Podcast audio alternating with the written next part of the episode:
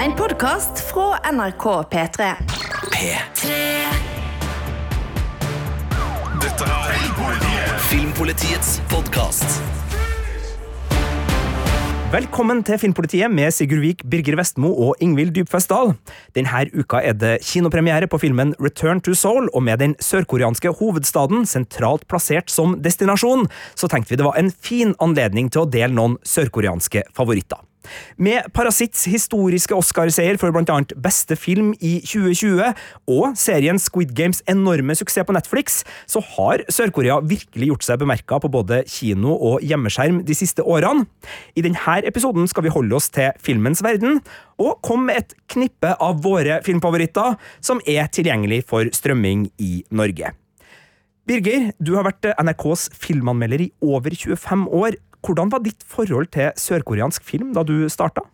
Jeg må vel innrømme at eh, forholdet var ikke-eksisterende. Jeg visste jo at Sør-Korea fantes, men jeg hadde aldri sett en sørkoreansk film, og de gikk heller ikke på norske kinoer på den tida. Eh, det endra seg først i 2005, fordi da kom endelig Oldboy på kino her, eh, to år etter at den opprinnelig ble utgitt, og det var da jeg stifta bekjentskap med regissøren Chan-wook Park, som jo da allerede hadde gjort seg bemerka med debutfilmen Joint Security Area i 2000, og um, også da Sympathy for Mr. Vengeance i 2002, filma filmer som Quentin Tarantino blant annet en stor tilhenger av. Og så skjønte jeg jo da utover 2000-tallet at sørkoreansk film var i fremgang. Um, altså i 2005, da samme år som Oldboy endelig kom til Norge, så var hele tre sørkoreanske filmer representert eh, på filmfestivalen i Cannes, og året etter, i 2006, da kom jo The Host av Bong Joon-ho, som ble en kjempesuksess. Da, da hadde han jo allerede hatt suksess i heimlandet med Memoirs of Murder fra, fra 2003, som ikke kom på kino i Norge før 2020, og som vi nok skal snakke litt mer om litt senere i dag, Sigurd, for den har, har du um, anmeldt. Ja, den fikk terningkast seks da den endelig kom på, på kino i Norge. Ja, og så fikk jeg jo bakoversveis i 2008, for da kom The Good, The Bad, The Weird, som er en uh, sørkoreansk westernfilm. Altså en eastern-film, egentlig, da, i regi av uh, Kim Ji-won. Morsom, blodig og fartsfylt hyllest til Sergio Leones spagetti-westerns, men med en asiatisk vri, da. Den husker jeg anmeldte terningkast eh, fem. Så, uh, begynte jo um, sørkoreanske filmer virkelig å gjøre seg bemerka på internasjonale festivaler, altså Park Chan-wook, eller Chan-wook Park. Nå jeg husker aldri om vi skal si det den ene eller den andre veien. Han vant jo juryprisen i Cannes i 2009 for um, skrekkfilmen Thirst, og så, fire år etter, da var Bong Joon-ho tilbake med Snowpiercer, som gjorde at sørkoreansk film virkelig tok steget inn i eh, den engelskspråklige delen av verden, for der var jo stjerner som Chris Evans, Jamie Bell, Tilda Swinton, John Hurt og Ed Harris eh, med på rollelista, sammen med en del koreanere også, selvfølgelig, da. Eh, vår kollega Marte Hedenstad anmeldte den til en femmer på terningen og kalte en schizofren blanding av koreanske sjangerfilmgrep med storslagne Hollywood-omgivelser. Eh, det var jo en film som også resulterte i en TV-serie som har vært eh, rimelig suksessfull i de senere åra. Train to Busan husker jeg veldig godt, fra 2015. En skrekkfilm med, med zombier som virkelig eh, ga jernet, og var full av blodige virkemidler og, og sort humor, noe som eh, kjennetegner mange sørkoreanske filma. Eh, du, Sigurd, anmeldt 'Kammerpiken' av eh, Park Chan-wook eh, samme år som 'Train to Busan' kom, altså 2015. 'Svindlere med skikkelig god stil', mener jeg. Husk hva var overskrifta mi fra den. Det var, var en herlig litt sånn krim, krimsak. Ja, Bong Joon-ho ble oppdaga av Netflix i 2017. Da kom 'Okja', som var et hjertevarmt eventyr ispedd en dose satire. 2019 var jo det virkelig pang-året for, for sørkoreansk film. Det var da de aller fleste oppdaga Sør-Korea som stort filmland, for 'Parasitt' av nevnte Bong Joon-ho vant Gullpalmen i Cannes, vant fire Oscar-priser for beste film, regi, manus og internasjonale film. Og um, om ikke det signaliserte en ny vår for uh, sørkoreansk film, så fortsatte den i hvert fall trenden da, med at det her var kanskje det asiatiske filmlandet som var i teten av film derfra. Jeg må bare spørre deg, Du var jo på Cannes-festivalen og, og, og, så den filmen første gang der. Hvordan opplevde du liksom den utviklinga Parasitt fikk eh, fra første visning på, på Cannes og, og til da Oscar første vinner eh, ikke-engelskspråklige beste film? Ja, det ble jo en umiddelbar snakkis i Cannes. Jeg husker jo veldig godt den pressevisninga, for på det tidspunktet var det ingen som visste noen ting om hva filmen skulle fortelle oss. Vi hadde jo en skisse av handlinga, men eh, den var jo da finurlig nok bare via den første halvparten av handlinga, og så, De som har sett filmen, vet jo at den tar jo en, en vending, kan vi si, da, eh, som virkelig Jeg husker veldig godt følelsen av at jeg tenkte, hva i helsike er det som skjer her nå? Eh, hvor i all verden skal handlinga ta oss hen? Og det var bare sånn helt deilig følelse å bli tatt sånn til de grader på senga da, av eh, Parasitt. Og eh, etter Cannes-festivalen så begynte jo Oscar-bøsset å gå ganske kjapt, men det gjaldt internasjonale filmkategorien.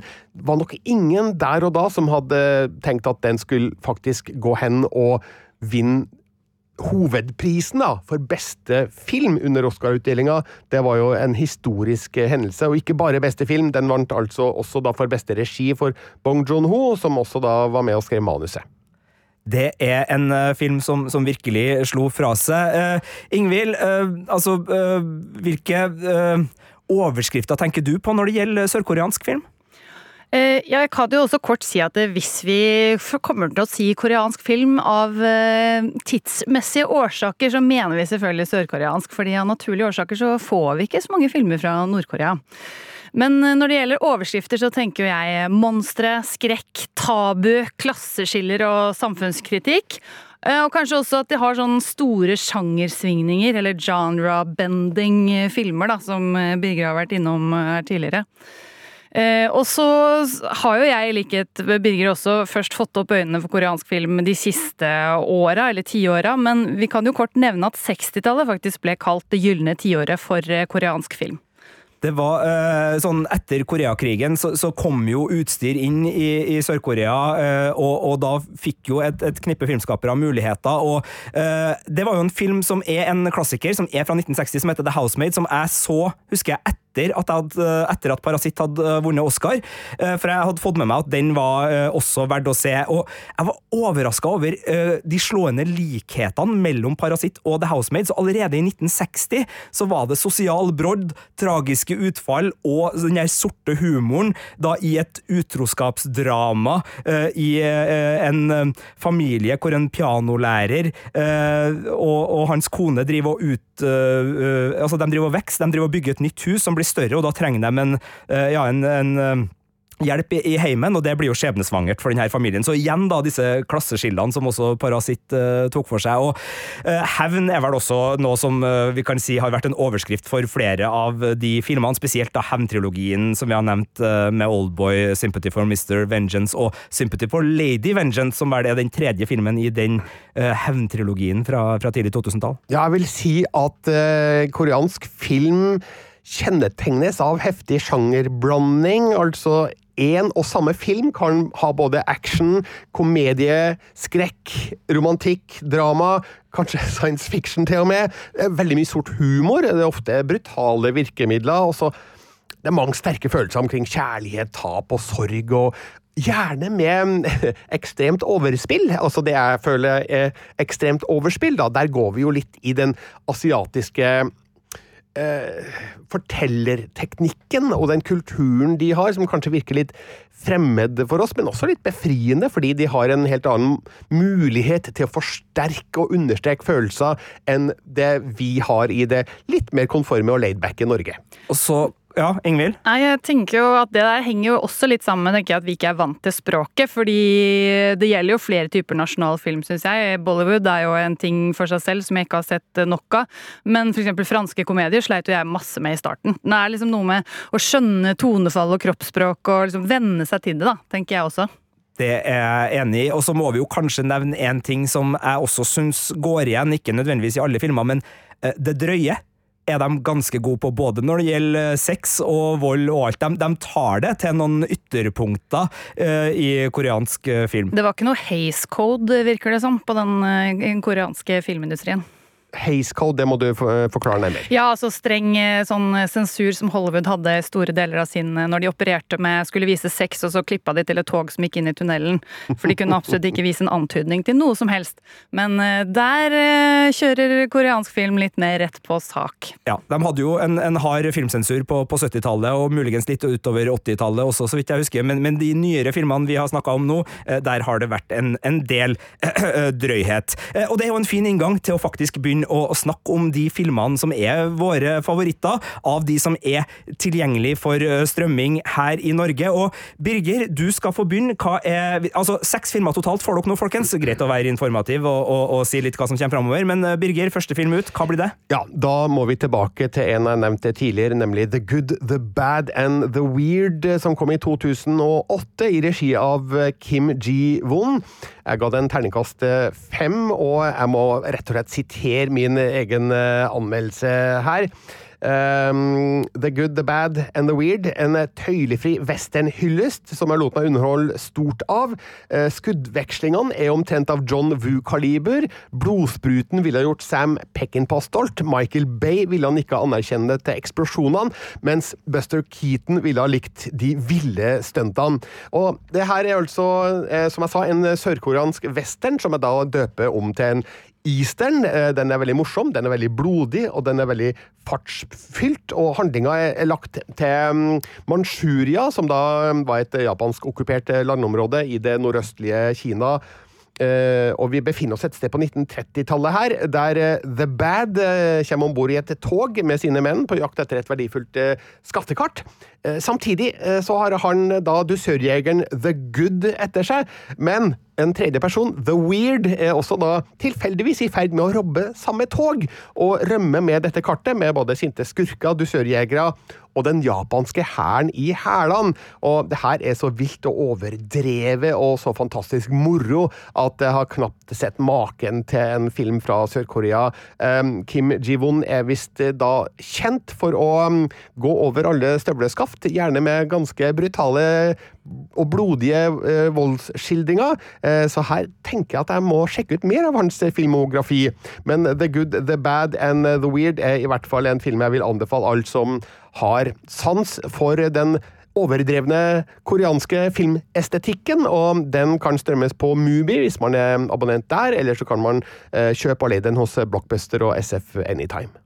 Det var et eh, godt førstetips. første tips. Eh, Eastern er like begrepet veldig godt. Eh, Ingvild, eh, hvor vil du ta ditt eh, første filmtips?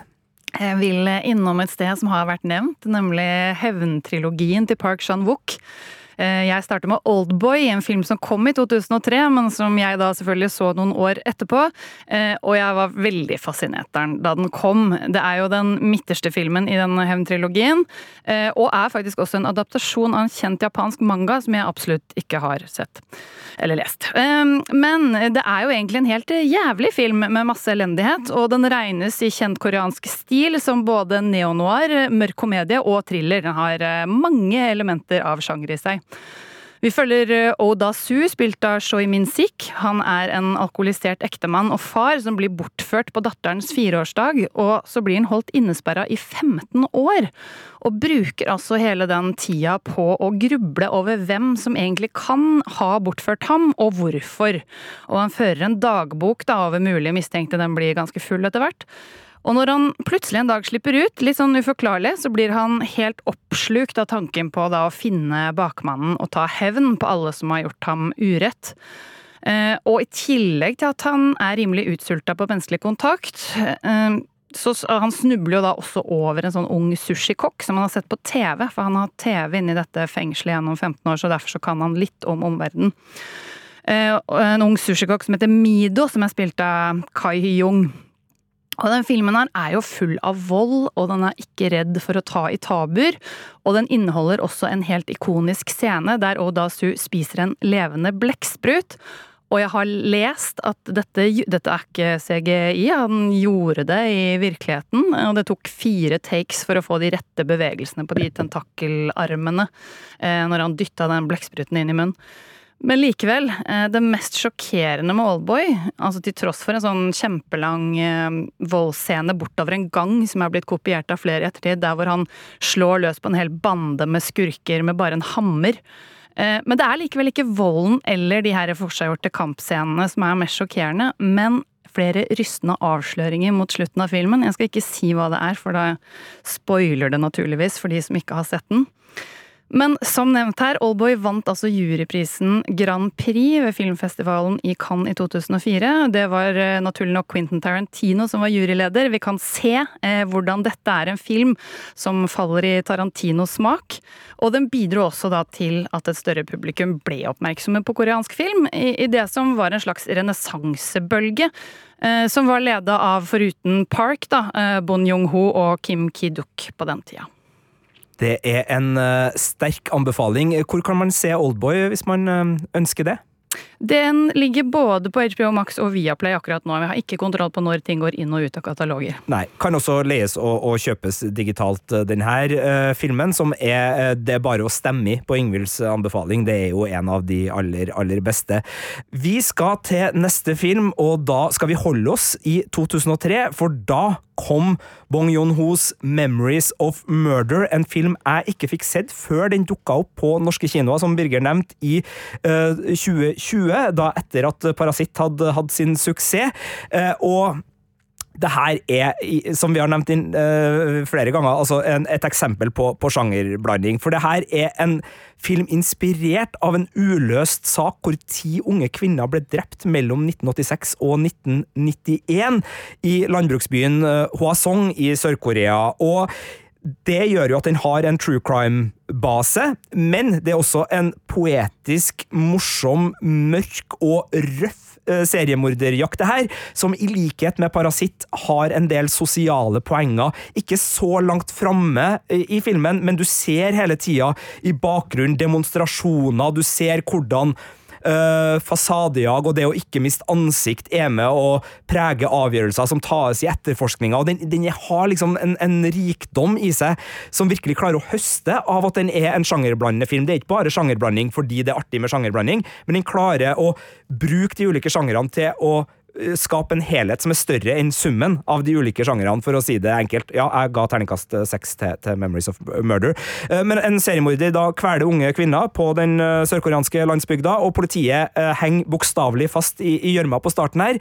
Etterforskninga glir ut i feilaktige arrestasjoner, det er PR-kåte politifolk her som gjerne vil ta en prat foran kamera, det er kraftig bevisforspillelse av ja, ulik sort, og, og så er det da to politietterforskere som kommer sammen som et litt sånn umake par og begynner å, å nøste i denne jakten på, på, morderen, som kun slår til på regnfulle netter, noe som gjør at uh, symbolikken og de poetiske teppene rundt, uh, altså de visuelle framstillingene av både uh, jakten og alt, er utrolig stilig. Altså, det er ikke noe rart at Quentin Tarantino også hadde denne filmen som en av sine favoritter, for det er så lett å se at han kan bli inspirert av alle de stilige overflatene som presenteres her. Uh, nei, det, det, her er en, en nydelig film som, som, er bare så full av gleder på så mange vis. Eh, I likhet med flere sørkoreanske filmer så er det ikke nødvendigvis den mest sånn tydelige og mest sånn tilfredsstillende narrative strukturen på det. Du må være åpen for både litt tolkningsrom og, og noen uh, åpninger her og der, men, men hvis du liker ikke uh, Bong Joon-hos andre uh, filmer, så kommer 'Memories of a Murderer', som er, om ikke hans første, en av hans uh, tidligste, til å være en, en favoritt, tror jeg. Altså, for den her, den ga meg rett og slett bakoversveis da jeg endelig endelig uh, fikk se den, og den er da, i likhet med mange av de andre filmene vi har uh, snakka om her, uh, tilgjengelig for leing og kjøping. Jeg merka jo, jeg skal bare kort si det, da vi skulle gjøre uh, leteaksjonen for å finne filmer, det er dessverre sånn at i Norge så er det en god del av det som anerkjennes som veldig gode sørkoreanske filmer, som ikke er tilgjengelig digitalt for strømming, verken på de ulike strømmetjenestene eller leie og, og kjøp. Der gløtta jeg over på amerikansk iTunes, eksempel. Der var det mm. mye mer som var tilgjengelig. Så det er jo litt trist. Men dere har fått tre, og dere skal jo få tre til som faktisk er tilgjengelig. Og Birger, nå er turen kommet til deg. Ja, takk for det. Før jeg gjør det, skal jeg bare skyte inn at eh, Memories of Murder faktisk eh, er tilgjengelig i NRK TV fram til 2026, så der kan man se den filmen hvis man har lyst til det. Mind blown. Mind blown for en research, Birger. Jeg, Ja, jeg sjekka jo bare de, de vanlige kanalene. Tenkt ikke på at gode, gamle NRK leverer på det nivået. Ikke Tusen takk. takk. Ja, men så skal jeg til en uh, annen film, og det hadde kanskje vært naturlig å ta med Parasitt her, som jo vant fire Oscar-priser og den mest suksessrike sørkoreanske filmen noensinne. Men det, det ble litt for opplagt da, å ta, ta den, så um, jeg har egentlig da i stedet tenkt å slå et slag for um, Decision to Leave av eh, Park Chan-wook, som eh, kom på kino litt eh, tidligere i år, nærmere bestemt 27 januar. En film han vant juryprisen i Cannes for i 2022. Og som en helt fantastisk kvinnefilm. Mystisk, sensuell og lengtende noir-thriller. Eh, Det handler om en politimann som bor i Busan sammen med kona si. Han etterforsker en fallulykke eh, som ser ut til å være et sjølmord, selvmord, men så blir han da veldig interessert og ja, rett og slett betatt av den eh, avdødes eh, vakre og hemmelighetsfulle kone, eh, som da er kinesisk, men bor i Sør-Korea. Eh, og så begynner det etter hvert å vise seg at eh, det, det er ikke et så opplagt selvmord likevel som det først så ut til. Eh, høres kanskje ut som en ganske rettlinja eh, handling sånn sett, men eh, det her er en film som faktisk krever flere påsyn, fordi jeg har sett den to ganger. Jeg vil gjerne se den flere ganger, fordi den andre gangen så skjønte jeg mer av handlinga, samtidig som det dukka opp nye spørsmål, for her leker Park Chan-wook såpass mye med formen og fortellerteknikken at eh, det er en del mysterier her som eh, kanskje ikke blir synlige ved førstegangspåsyn, kanskje ikke heller gang ved andregangspåsyn. påsyn. så det er en film med massevis av hemmeligheter og smarte fortellergrep som gjør at eh, du oppdager nye ting hele tida. Eh, så det her er en film som, eh, som jeg skrev i anmeldelsen, understreker alt vi elsker ved sørkoreansk film. For den er så stilsikker. Eh, den har jo da en miljøskildring som er veldig fremmed fra det vi kjenner til fra før, samtidig som den eh, formidler følelsene eh, på en litt sterkere og mer outrert måte enn det vi er vant til i, i vestlig film. Så det her er virkelig en fascinerende film som gjør at Park Chan-wooks stjerne bare er på full fart videre oppover. Eh, Fremdeles en filmskaper på toppen av sitt kreative virke, og jeg ga terningkast fem til Decision to Leave. Eh, Mulig, mulig det var litt konservativt, hvis jeg skal være helt eh, ærlig, men eh, det er en film som virkelig fortjener å bli sett, og den kan nå per i dag i hvert fall strømmes på Viaplay, eh, eller så kan den også kjøpes og leies hos mange andre strømmetjenester, og selvfølgelig da kjøpes på fysisk format, da, hvis du eh, sverger til sånt. Nok et godt uh, filmtips der. Og uh, vi skal holde oss i Busan på et vis, tror jeg, Ingvild, når du skal komme med ditt uh, neste og, og siste i denne omgangen koreanske filmtips. Ja, Spørsmålet er jo om vi kommer oss til Busan, men filmen heter i hvert fall Train to Busan. Og den kom i 2016, og i motsetning til veldig mange av de andre vi har pratet om, så er dette en ganske klar sjangerfilm. Det er jo en zombiefilm, altså er vi innom skrekk, thriller og action. Eh, Det er eh, Jon Sang-ho som har regissert den. Han har også regissert serien Hellbound og filmen Jung E på Netflix. Eh, Netflix har jo omfavna mange av disse sørkoreanske regissørene. Heldigvis på en måte, for da kommer de i hvert fall ut i verden. Eh, Men vi følger altså her en travel forretningsmann, Suk-woo, spilt av Gong-yo, som senere dukket opp i Netflix-seriene The Silent Sea og Squid Game. Ikke ukjente. Han har en ung datter som han nesten ikke har tid til, men etter mye mas fra henne, da, så går han med på å ta toget til moren hennes i Busan, som hun vil besøke. Og det virker jo utgangspunktet som en litt sånn søt eh, far-datter-fortelling, og utarter da til full zombiesirkus eh, når en infisert person karrer seg på toget rett før avgang.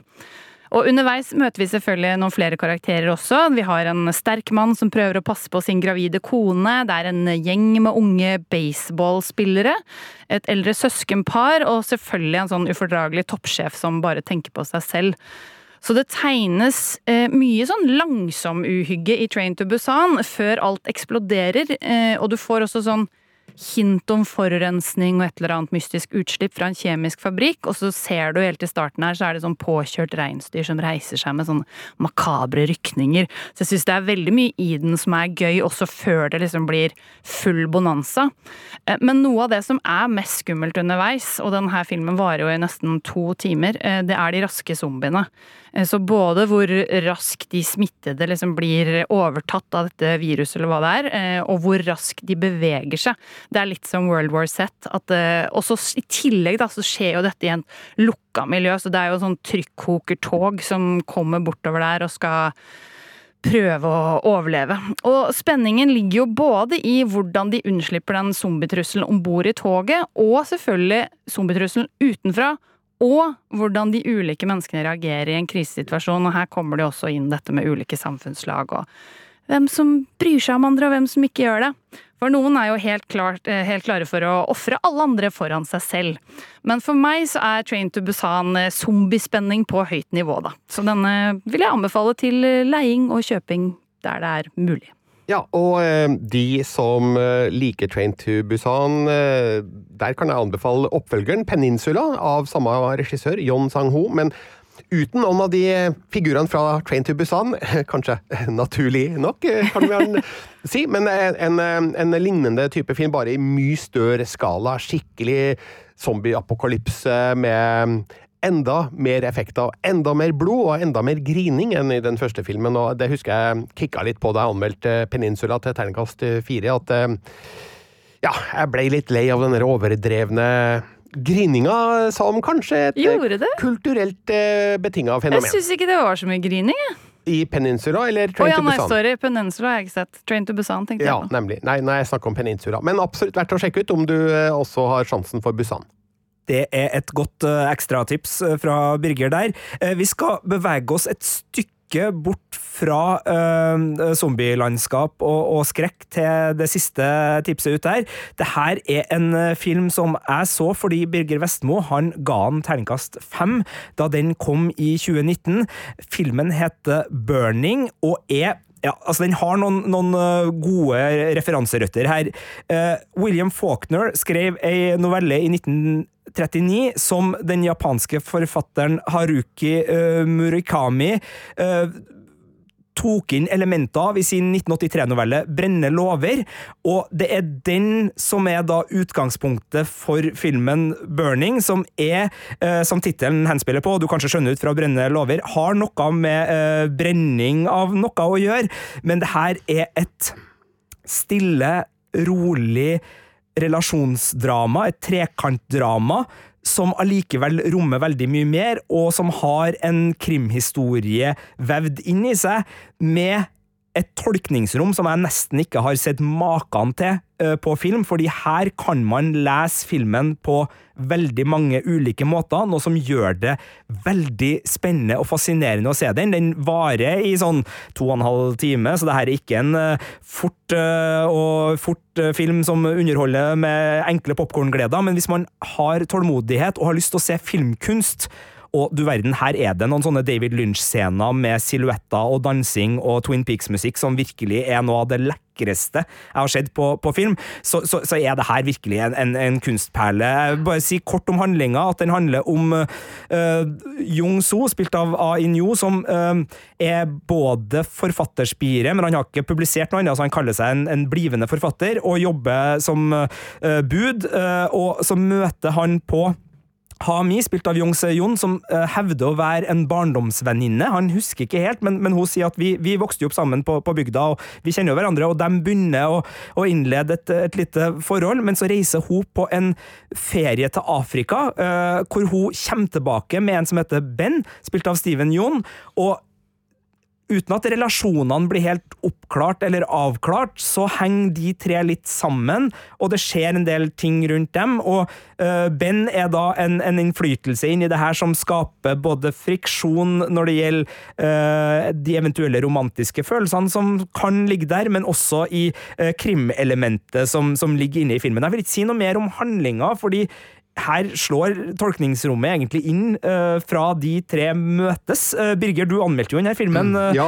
hva, hva tenkte du da, du da du så den? Nei, jeg er jo glad i å sitere meg sjøl, åpenbart. Så uh, i min terningkast fem-anmeldelse så skrev jeg at det her er filmkunst av høy klasse, som du sa, Sigurd. Der stemninga får utspille seg i sitt eget eh, tempo, der figurenes motivasjoner holdes skjult, og der publikum må dekode signalene som blir gitt, for å finne ut hva som egentlig kan ha skjedd her. Så det er en film med veldig mange lag, eh, som eh, gjør det ekstra spennende og interessant og utfordrende da, for, for oss som ser filmen, og ja, eh, egentlig da tolke eh, filmens eh, budskap. Ja, jeg, jeg har juksa i etterkant da, av å se den. Eh, Den er jo regissert av Li Chang-dong, og eh, jeg vet ikke om det er han som har uttalt det, men det finnes i hvert fall flere artikler på, på det store internett som, som eh, prøver å analysere den filmen her og finne ut hva som kan være hva, og, og hva som kan ha skjedd, og det syns jo jeg er en ekstra glede ved en film, at man kan se den, kjenne på den, og så, eh, litt sånn i kollokviestil, eh, gå, gå løs på den og prøve å finne ut, da, gjerne i, enten i dialog med, med venner man ser den sammen med, eller med internett, da, som er en god samtalepartner for, for eh, når man eh, trenger litt hjelp der. Eh, og, og, og virkelig, liksom, litt sånn som novelletolkninga i norsken, eh, gå løs på det her og finne ut hva, hva kan det symbolisere? Hva kan egentlig ligge bak det? Jeg syns det er så fascinerende, og jeg syns Burning er en utmerka og veldig vellykka film. Og igjen, den, det er en dansescene der i midten. Jeg gjentar den. Det er altså noe av det eh, skjønneste jeg har sett på film, og det er en dualitet i den dansen, og det er den der Twin Peaks David Lynch-stemninga som gjør at jeg får liksom alt det jeg liker, på én plass uh, i den uh, silhuettdansen. Og Og så må man ikke forveksle Burning med Burning. Burning. Eh, altså de norske filmene om uh, bilråning. Nei, det, det, skal man uh, forhåpentligvis ikke, sjøl om det da er trøndersk dialekt denne podkasten framføres eh, på, eh, i hvert fall i to tredjedeler, og, og det var min rom-rom som ødela litt eh, der. Det var de Altså, Burning kan leies og kjøpes digitalt i, i Norge, ikke noe problem å få sett den. Eh, men det var de seks filmene vi ville anbefale i denne uh, sørkoreanske filmfavorittspesialen vår. Eh, kan jo nevne at eh, Return to Soul, som da eh, ikke en ren koreansk film, det er vel en fransk-koreansk, kambodsjansk osv. film som har kinopremiere denne uka. Den eh, har fått terningkast fem av eh, kollega Birger Vestmo, og du kan lese den anmeldelsen eh, på p3.no filmpolitiet. Kan også nevne at det kommer en eh, ny koreansk film på norske kinoer den 27. oktober, som heter Past Lives av Celine Song, som var nominert til Gullbjørn i Berlin, og som det går an å, holde et øye etter hvis man er spesielt interessert. Minner også om at alle våre anmeldelser selvfølgelig er å finne på p3.no filmpolitiet. Vi har en Wheel of Time-spesial for tiden, hvis du er fantasy-nerd og har lyst til å høre enda mer skravling i øregangene dine fra Filmpolitiet. Eh, Og med det så sier vi tusen takk for selskapet. Vi har vært Birger Vestmo. Ingvild Duffesdal. og Sigurd Vik. Ha det bra. En podkast fra NRK. Mora mi Berit er ufør og blakk, Nå, pardon, rett ut. og hun bor i en bydel med et litt spesielt navn. På trøndersk så heter det bare Skitbyen. så sånn er det. Likevel er hun verdens største optimist. Og det er et mysterium for meg. Si det sånn, Martin. Jeg tror ikke det blir noe mye arv etter meg. Nei, det kan være. Nei, jeg tror ikke det. Hør Skitbyen i appen NRK Radio.